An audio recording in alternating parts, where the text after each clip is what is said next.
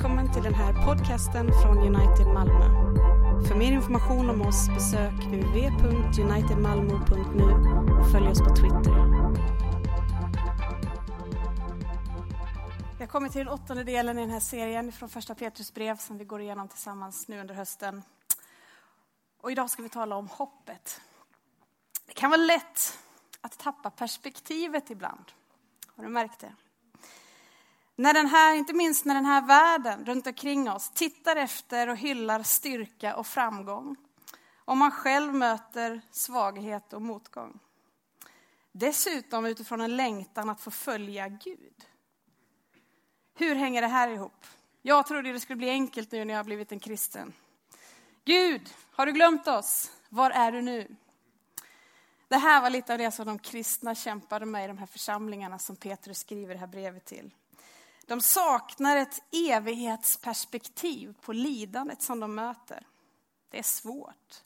Och de upplever det liksom orättvist, obegripligt. Och hela det här brevet andas därför mycket omsorg och Petrus får påminna dem om, om vem de tillhör, vem de är och vad som är deras hopp. Och det är just det här hoppet som vi ska stanna upp till och titta på idag. Ett annorlunda hopp utifrån världens sätt att se. Vi läste i den första versen där i vers 15. Herren Kristus ska ni hålla helig i era hjärtan. Var alltid beredda att svara var och en som begär att ni förklarar det hopp ni äger.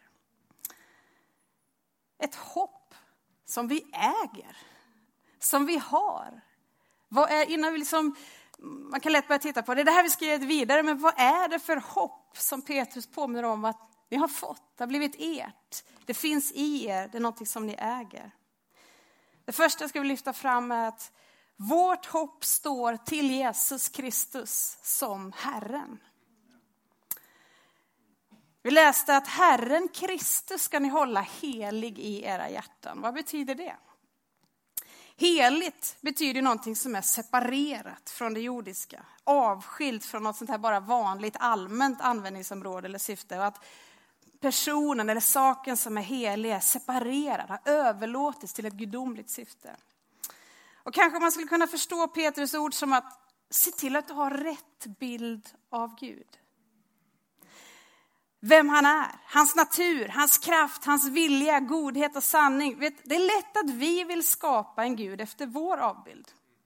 Som tänker och handlar efter våra mönster, som är ungefär som oss fast lite bättre. Men det är Gud som är alltings början. Det är han som är skaparen av allt liv och vi är skapade till hans avbild. Och för att vi ska hamna rätt i tillvaron så behöver vi ha en rätt bild och rätt kunskap om vem Gud är. Gud är konstant, han är densamme, igår, idag, till evig tid. Han är absolut perfekt, han är utan brist, han är alltid rätt, han är alltid god. Han kan inte göra något som inte är rätt, heligt, vist, sant eller nådefullt. Han är upphöjd från allt som är orätt, ont och kärlekslöst. Det är denna Gud som vi är skapade att få ha gemenskap med. Vi är skapade att få leva i beroende av honom. Men vi litar inte på det. Så vi har gått vår egen väg och försöker finna vår mening i allt annat än Gud. Ibland kan jag tänka, hur är det? Det är ju en gåta ibland när man liksom tänker på vem Gud är, att man skulle välja bort det. Men det är just det som är grejen, att det är när vi tappar perspektivet av vem Gud är, som vi börjar tro att vi skulle klara oss bättre utan honom. Och det är just den här synden, att inte lita på Gud, som lett oss in i den här kampen, att försöka finna ett värde på våra liv utan honom. Där vi jämför oss med andra, vi strävar, ibland strider för att på något sätt hitta vår plats och att uppnå ett erkännande på att jag är okej. Okay. Vi söker makt, position, ära och vi ser hur det här har bara eskalerat. I hur människor liksom i den här strävan vänds mot varandra, hur folk reser sig upp mot folk. Och vi har fått vara med och se bara mycket i vårt land den här veckan och vi ser hur det här kaoset tar plats. Och man undrar, var finns vårt hopp? Finns hoppet till att vi bara ska skärpa oss? Finns hoppet till polit rätt politik? Finns hoppet till, var finns vårt hopp? Vi är fångna i detta jagandet och vi behöver köpas fria. Vi behöver få ett nytt hjärta, en ny vilja, en ny längtan, ett nytt liv. Vi behöver bli försonade och få uppleva frid. Precis det har Jesus Kristus betalat priset för vår synd. Han har köpt oss fria från syndens och dödens band. Och det är inte bara lite allmänt så att vi, ja men du är förlåten, utan han håller på att återupprätta hela skapelsen. Till att få leva i harmoni med honom, med oss själva, med varandra.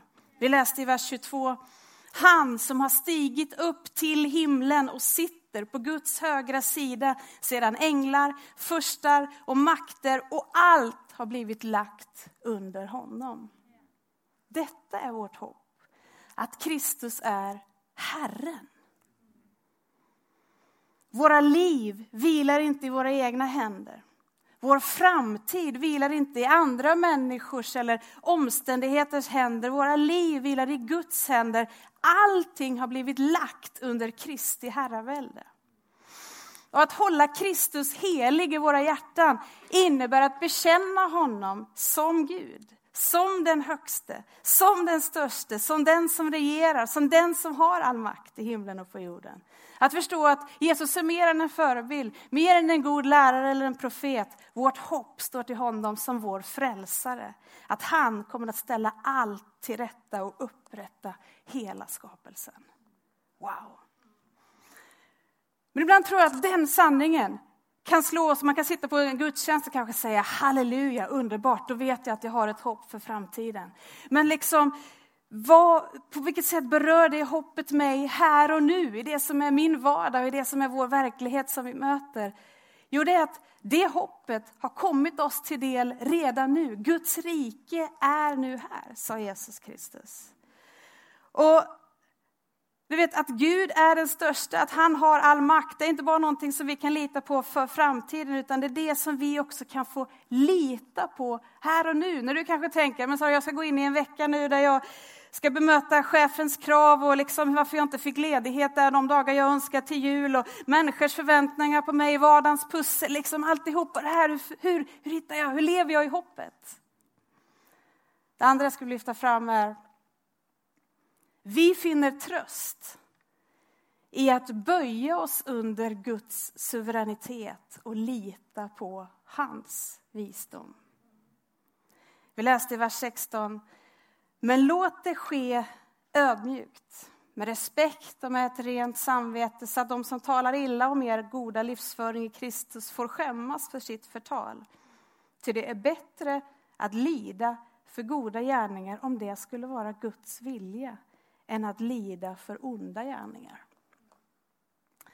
Vi förstår när vi läser det här brevet i sin helhet att de kristna som Petrus skrivit till har fått utstå mycket lidande av olika slag. man kan nästan du vet, vi hör, det är som att lyssna på ett telefonsamtal ibland. Man hör bara den ena, men du vet när du följer någon samtal ibland så är det nästan så att du kan ana vad de säger på andra sidan. Och man kan nästan höra deras resonemang kring sin situation, att det här är helt ologiskt. Att vi ska behöva möta allt detta på grund av att vi vill göra det som är rätt inför Gud. Vi har fått ta emot liv, frid, kärlek från Gud som har förvandlat hela våra liv och som vi nu längtar efter ska fler ska få uppleva.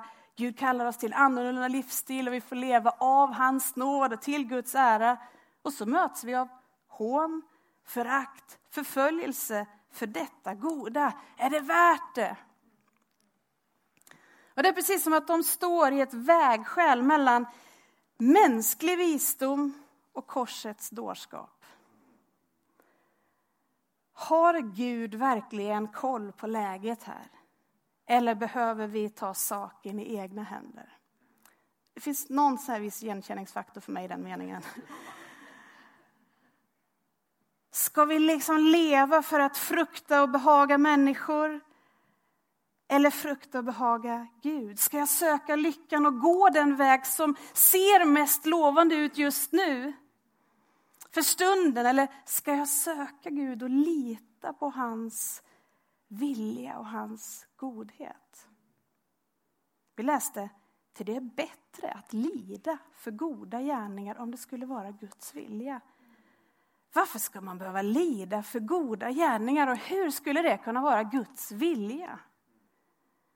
Vi kanske tänker på Guds härlighet som styrka och makt att dominera. När vi läser Bibeln så verkar det precis som att Guds rike är helt annorlunda. Och vi ser hur Petrus lyfter fram det här mysteriet när han liksom den här dårskapen när han i nästa vers skriver om Kristi lidande, för han fortsätter, så led också Kristus en gång för våra synder. Rättfärdig led han i orättfärdiga ställe för att föra oss till Gud. Han blev dödad till köttet med levande jord genom anden. Så led Kristus för våra synder. Här kan man ju snacka om orättvist. Gud, som vi precis har beskrivit, alltigenom god, som har all makt, som skulle kunna knäppt med ett finger och inte behövt gå igenom lidande. Blir slagen, pinad, dödad. För det som var vår ondska, vårt uppror och vår synd. Allting i det här är egentligen helt upp och ner utifrån mänsklig visdom. För det första, att Gud överhuvudtaget själv väljer att lämna himlen för att komma ner till jorden och bli en av oss och ta vår plats. Det där har du hört så många gånger och jag, så ibland så är det som att vi inte ens reflekterar över hur märkligt det är.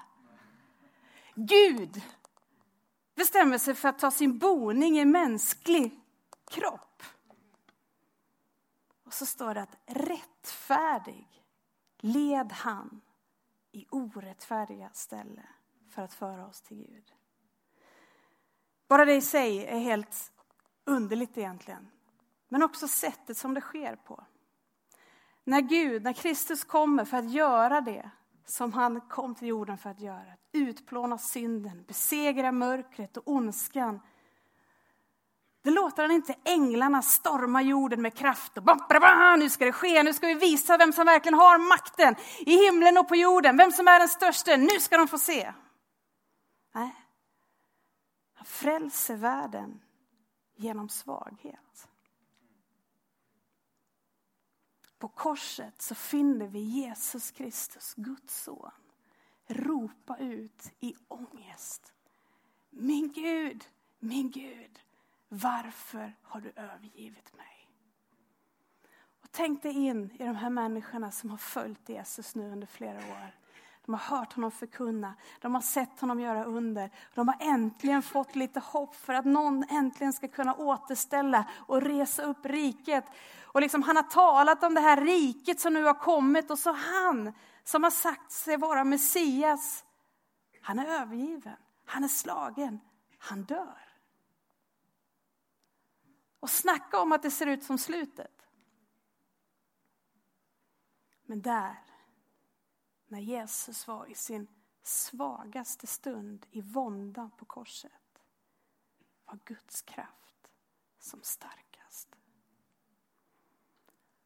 Där lyfte Gud den oändliga tyngd av synd och fördömelse från axlarna på alla som vill tro på honom. Det som med mänskliga ögon såg ut som slutet. Det var ingen där som prisade, det var ingen där som lovsjung hans uppståndelse, hans makt och hans ära. Folk bara undrar, vad händer nu? Det som såg ut på slutet, som slutet på korset vände Gud till den största segern i hela världshistorien. Gud arbetar enligt samma mönster idag. Gud har alltid gjort allting från ingenting. Gud gör allting genom människor som vet att de är ingenting. När vi går igenom prövning, lidande och när vi ser allt som vi ser runt omkring och ser vårt hopp att låta Gud vara Gud. Gud vill att vi ska få böja oss inför hans suveränitet. Att han ser lite längre. Han har en annan koll. Han kommer alltid att kunna lita på hans löfte. Att han kommer att låta allting samverka till vår glädje och till hans ära. Där kan vi få finna tröst. Vårt hopp står till hans plan, till hans makt, till hans vilja. Och Bibeln lyfter fram det här precis som en dårskap. Budskapet om korset är en dårskap för de som blir förtappade, men för oss som blir frälsta så är det en Guds kraft. Och kanske du säger, ja, det är precis den kraften jag har fått uppleva, men jag tappar det perspektivet hela tiden. På att Gud har kontroll, på att Jesus är Herren. Hur kan jag veta att hoppet bär mig hela vägen? Vi läste, så led också Kristus en gång för våra synder. Skulle också kunna säga en gång för alla. Det behövs inga fler offer. Det är det som är de goda nyheterna. Vi får ta emot frälsningen av nåd genom tron. Men vi har också fått ett tecken, ett kvitto på att hoppet nu är vårt. Du vet, hoppet som ni äger, som vi talade om. Och det är det som texten också lyfter fram, att dopet är ett hoppets tecken. Vers 19, i anden gick han bort och utropade ett budskap för andarna i fängelset, för dem som den gången var olydiga när Gud tåligt väntade under Noas dagar, medan arken byggdes. I den blev några få, åtta personer frälsta genom vatten. Efter denna förebild frälser dopet nu också er. Det innebär inte att kroppen renas från smuts, utan är ett rent samvetes bekännelse till Gud genom Jesu Kristi uppståndelse. Petrus lyfter fram Guds ingripande över Noa. Tecknet på Guds nåd och frälsning från den stora floden var arken. Och arken är också en förebild på Kristus. Den som är i Kristus, trygg i arken, har blivit förlåten, renad och kommer också att bli räddad när floden kommer en gång för alla sköljer bort all synd och all död. Och då är frågan, hur blir vi ett med Kristus? Hur blir man i Kristus?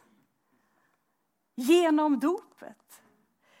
Inte bara att vi går ner i badet i största allmänhet, säger Petrus, det är liksom, för då är det bara kroppen som renas från smuts. Men när vi sätter vår tro till Kristus och hans verk på korset så blir hans död och uppståndelse vår. I Romarbrevet 6 står det så här, eller vet ni inte att alla vi som har blivit döpta till Kristus Jesus har blivit döpta till hans död. Vi är alltså genom dopet till döden begravda med honom. För att också vi ska leva det nya livet liksom Kristus uppväcktes från de döda genom Faderns härlighet. Ty är vi förenade med honom genom en död som hans, ska vi också vara förenade med honom genom en uppståndelse som hans. Du vet, vi kan läsa om och om igen, i Kristus, i Kristus, i Kristus. Det är det som vi blir inympade i Guds församling, i föreningen med Kristus genom dopet. Jesus knyter sin frälsande gärning, sitt lidande, sin död, sin begravning och uppståndelse för våra synders förlåtelse till kyrkans båda centrala sakrament, dopet och nattvarden. Sakramentet kallas för nådemedel. Heliga handlingar som är instiftade av Herren Jesus Kristus själv. Som förkunnar, som förmedlar och som försäkrar Guds nåd till syndernas förlåtelse och nytt liv i Kristus.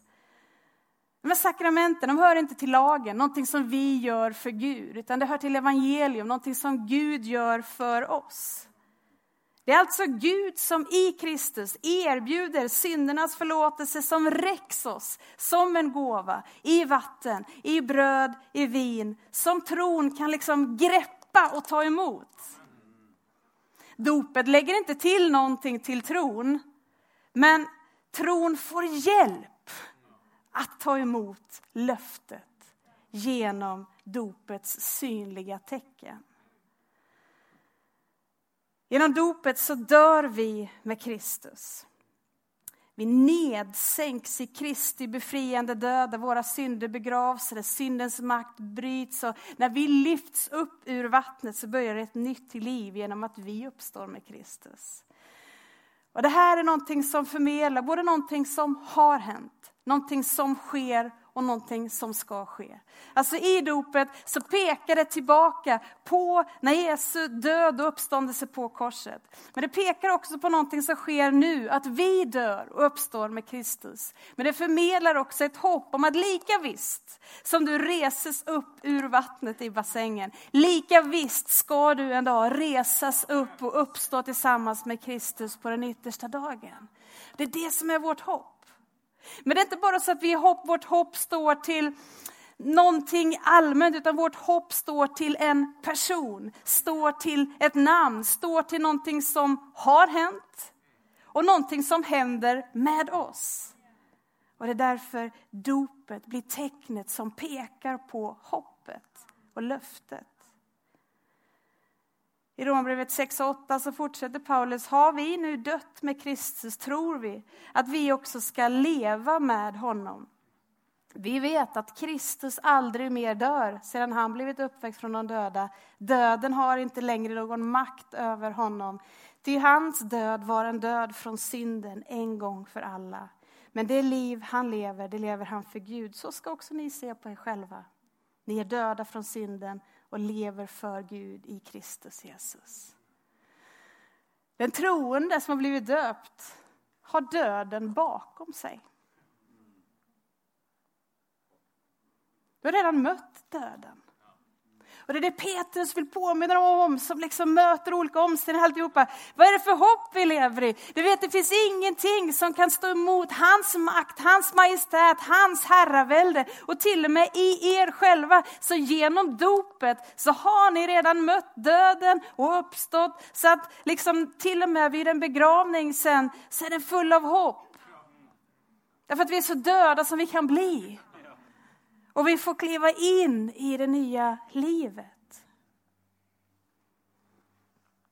Det här är hoppet som vi äger. Det är inte bara ett hopp som vi liksom, tänk om vi kunde få det. Utan liksom förvissningen som Guds ord bara vill liksom påminna oss om och doppa oss i. Det här är ett hopp som har blivit vårt. Hans död har blivit vår död. Hans uppståndelse har blivit din uppståndelse. Och när man ibland undrar, hur ska jag våga lita på att det är hela vägen? Så har Gud gett oss ett kvitto, gett oss liksom en förvissning där han också knyter sin frälsande gärning till oss på det sättet att han ger oss en förvissning. Det har hänt, jag blev blöt i håret. Tänk dig att du går till affären, säg Hennes Maurits med din pappa, ett barn, du är barn och ska gå dit och du ska få handla massa nya höstkläder nu. Du ska få handla ny jacka, nya byxor och liksom du handlar på dig massor. Sen när ni är färdiga och du går där lite stolt och glad med dina två stora påsar. Så säger pappa, jag går i förväg och hämtar bilen. Och du går där och tittar en stund till. Sen precis när du ska gå ut ur butiken så händer den där skräcken, det som man liksom inte vill ska hända. Bip, bip, bip, bip, bip, bip, bip, bip. Så börjar pipa i de här.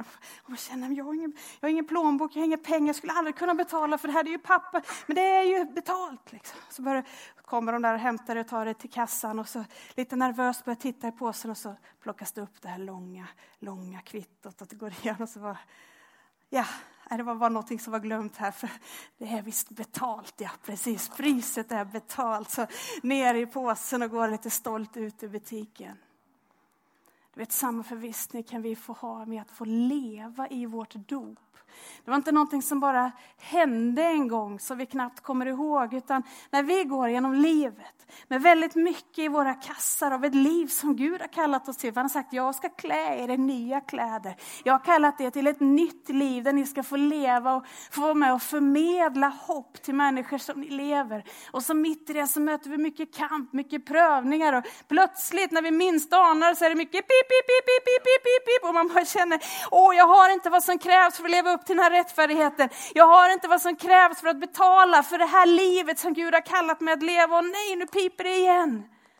Det är dopet, det här kvittot som du kan bara få plocka upp ur din påse och påminna både dig själv och andevärlden och människor omkring. Jag vet du vad, min rättfärdighet står inte till mitt bankkonto eller vad jag har att betala utan pappa har redan betalat det priset genom hans son Jesus Kristus för mina synder. Därför så påminner Petrus också dig och mig idag om att dopet, det är Guds gåva till oss. Att få ta emot ett, som ett nådemedel, ett medel, en hjälp för oss att tron kan få greppa. Yes, det är mitt, det gäller mig. Men det är inte liksom vattnet eller sådant, utan det är Jesus som är Herre. Det är att han har dött och uppstått, det är där kraften finns. Och att få leva livet tillsammans med honom varje dag är att få så stå i det här vägskälet av att Gud, jag förstår inte hur du verkar eller hur, hur du arbetar här nu. Det känns ibland mycket mer logiskt. Allting i världen ropar efter det här. Men, men du säger att jag ska förtrösta och lita på. Det här ser ut som slutet. Och då får vi gång på gång påminnas om att det som kan se ut som slutet, det kan vara precis början till ett nytt liv, till ny uppståndelse, till ny kraft. Därför att inte ens döden har ett grepp om oss längre. Därför att genom dopet är vi så döda som vi kan bli och fått del av uppståndelsen, uppståndelsens kraft genom Jesus Kristus. Dopet är ett. Det sker en gång och Gud har knutit sina löften till dopet och han handlar med oss i vattnet. Dopet äger en fullständig giltighet som vi kan leva i. Och därför så kan vi i gudstjänsten och kanske hemma, egentligen varje dag, få bara bekänna oss till det. Jag är döpt till Kristus. I Guds, Faderns och Sonens och den helige Andes namn. Jag är omsluten av Guds nåd. Jag är delaktig i Kristi kropp, uppfylld med den helige Ande. Även om det kanske inte känns så varje dag, men det är sant. Jag begravdes, jag uppstod med Kristus i dopet. Genom tron på Guds kraft. Han som uppväckte Kristus från de döda. Jag behöver inte frukta något, jag tillhör Kristus. Han som har all makt i himlen och på jorden. Jag som var död genom mina överträdelser. Han har gjort mig levande. Jag är en ny skapelse i Kristus. Jag lever mitt liv i och genom honom. Idag vill jag böja mig under Guds suveränitet, lita på hans visdom och på nytt överlåta mig i Guds tjänst. Det är vår bekännelse. Är du inte döpt vill jag inbjuda dig att få gå dopets väg. Att få dö tillsammans med Kristus, att få uppstå tillsammans med Kristus. Är du döpt vill jag påminna dig, lev i det dopet. Ta upp kvittot, bekänn och prisa hans nåd för hans godhet emot oss. Varje söndag, i varje gudstjänst, så får vi genom ordets förkunnelse, genom bröd och vin, så kommer Kristus till oss och påminner oss om hoppet och det eviga livet som vi har fått ta emot av nåd. Vårt hopp står till Jesus Kristus som Herren. Vi finner tröst i att böja oss under Guds suveränitet och lita på hans visdom. Och dopet, det är ett hoppets tecken. Amen.